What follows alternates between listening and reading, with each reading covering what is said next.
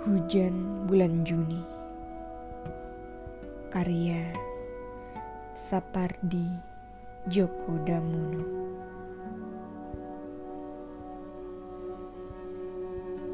Tak ada yang lebih tabah dari hujan bulan Juni.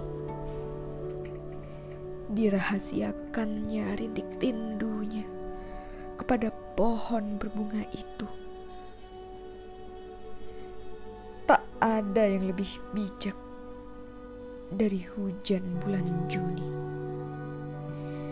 Dihapusnya jejak-jejak kakinya yang ragu-ragu di jalan itu.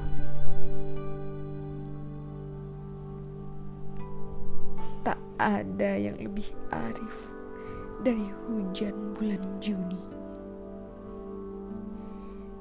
Dibiarkannya yang tak terucapkan diserap akar pohon bunga itu.